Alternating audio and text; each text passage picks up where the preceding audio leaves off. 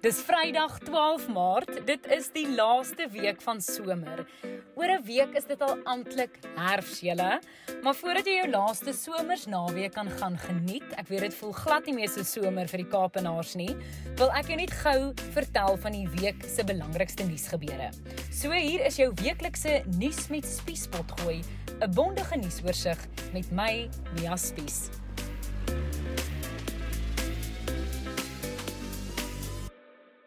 Die week het Zuma, die Zondo-kommissie, protesaksie by Wits en natuurlik beerdkrag die nuus hier by ons gehaal en dit was alweer of sal ek eerder sê nog steeds die Britse koninklikes wat die hoofopskrifte in die buiteland oorheers het.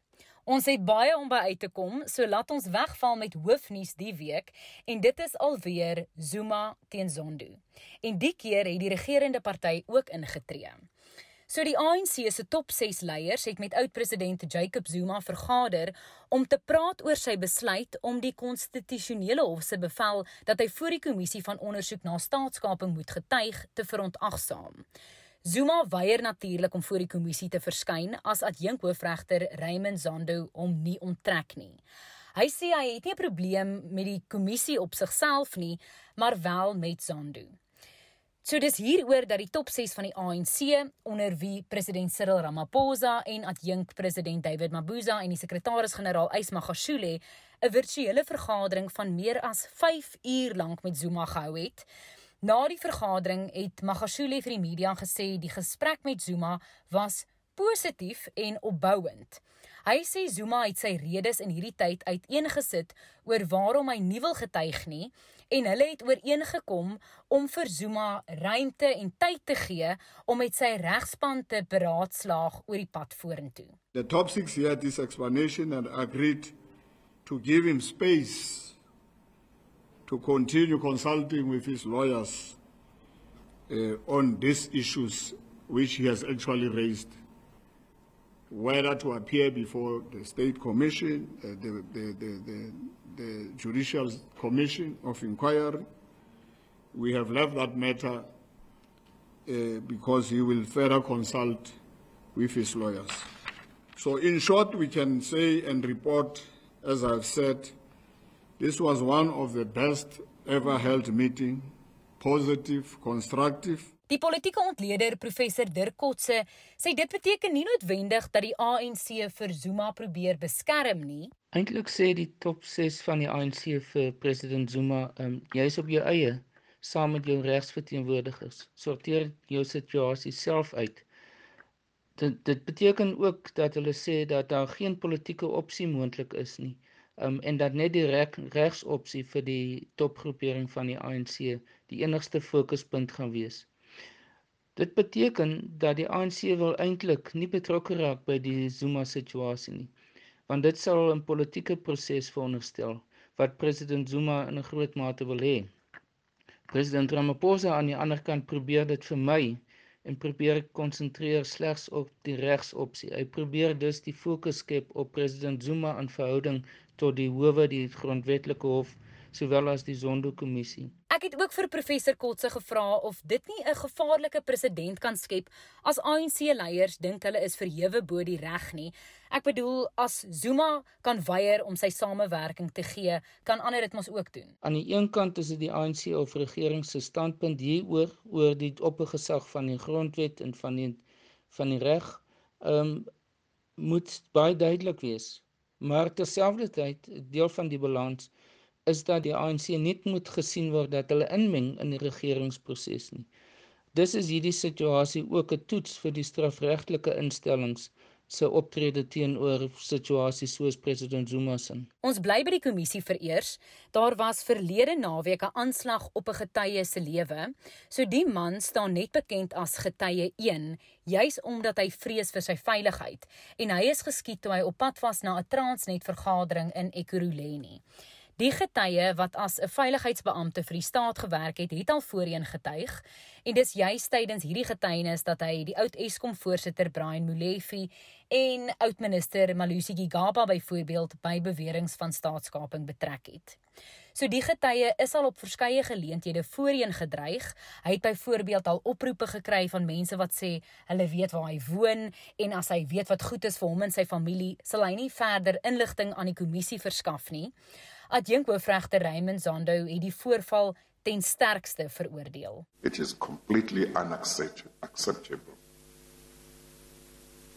that witnesses whether they have given evidence before the commission or are still going to give evidence before the commission are targeted and attacked and attempts are made on their lives. Attempts are made to kill them. It is completely unacceptable. And I would ask the law enforcement agencies to please assist this commission by dealing with these matters. Ander groot nuus die week is die protesoptrede oor beweerde finansiële uitsluiting by die Universiteit van Witwatersrand in Johannesburg.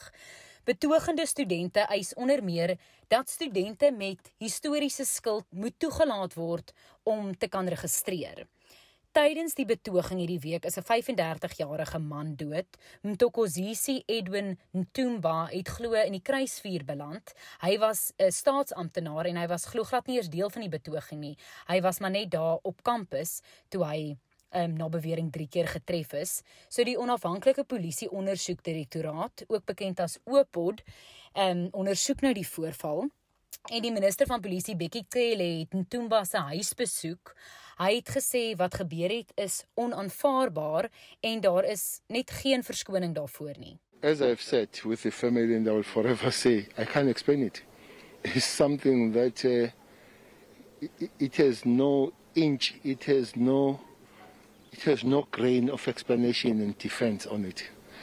Somebody just for me went crazy and then For now, we need to leave there. The IP, as I speak, is in the house. The investigators, I spoke to them yesterday, the national head, the provincial head, to find the facts, what happened. This is the provincial commissioner, all of us with a full cooperation going forward. President Cyril Ramaphosa het ook die voorval veroordeel en gesê Ntumba was 'n onskuldige omstander. Maar boonbehalwe dit het Ramaphosa ook gesê dat die studente betoging of ten minste die dele daarvan wat hy gesien het, nie die soort reaksie van die polisie geregverdig het nie. This is most unfortunate and it disturbed me quite deeply because it demonstrated that whilst our people were protesting rather peacefully. There was overreach, it seemed like that, by the police. Much as we are facing enormous challenges and difficulties, the issue of education is important and is a priority of this government. We will not abandon our students.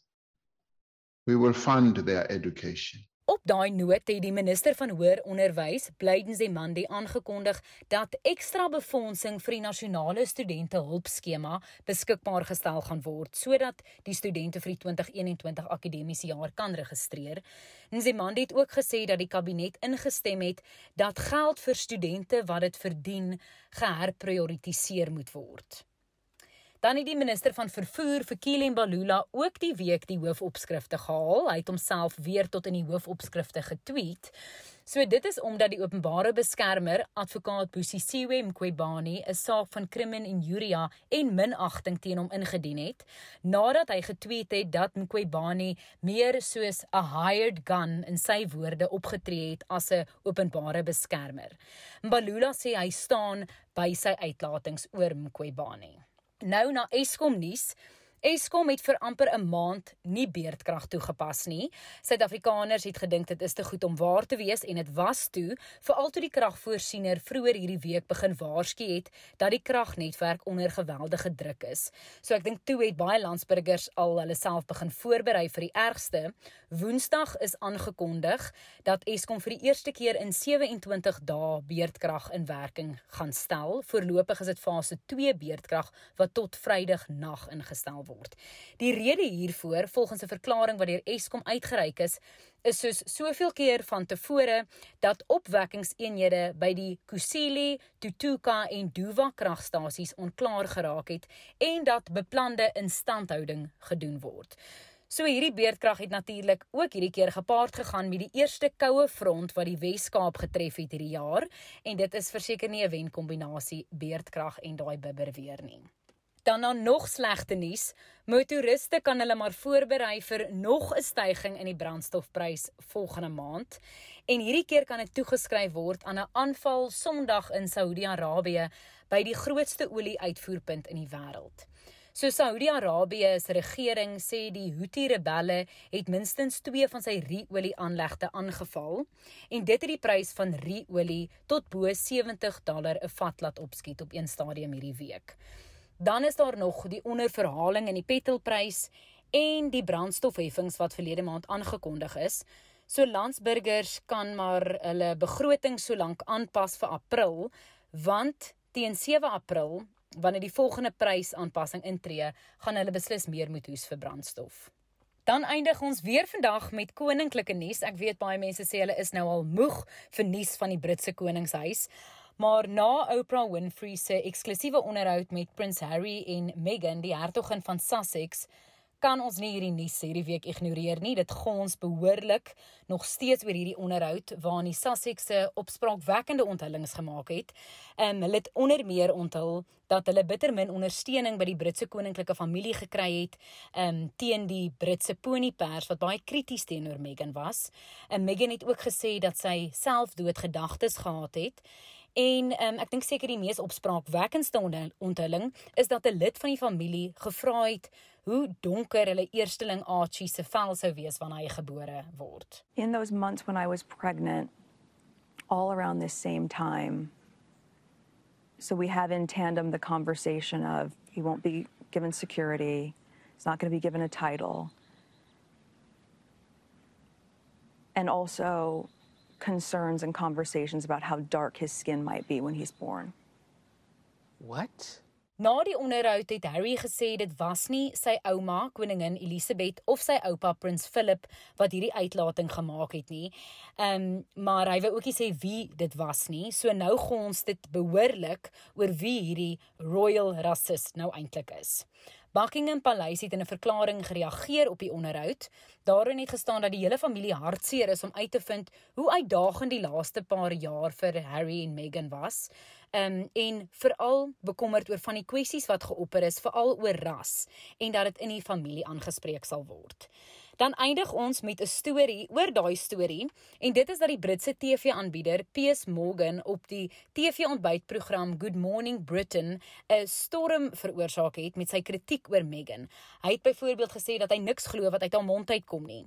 So nadat hy deur 'n mede-aanbieder oor sy velkritiek aangespreek is, het hy van die stel afgestorm en sommer bedank. You continue to trash her. Okay. I'm done with this. No, no, no. Sorry, no. Oh, Sorry. Do you know what? That's pathetic. You can trash me, mate, but not my No, own no, no, no. See you I'm, later. I'm being. Sorry, can't This do is this. absolutely diabolical behaviour. Nou dat jy op hoogte van sake is, deel asseblief hierdie pot gooi met ander mense sodat hulle ook kan weet wat aangaan in die wêreld om hulle. Jy kan ook kommentaar lewer onder die plasing en vir ons laat weet van watter nuus jy dalk meer of minder van wil hoor volgende week. Nuus met Spies is 'n produksie in samewerking met die Potgooi Produksiehuis Volume. Ons vervaardigers is Roland Perolt en Andy Siwe May en hierdie lekker wysie wat jy hoor is deur Curtis Kahl gekomponeer. Tot volgende Vrydag.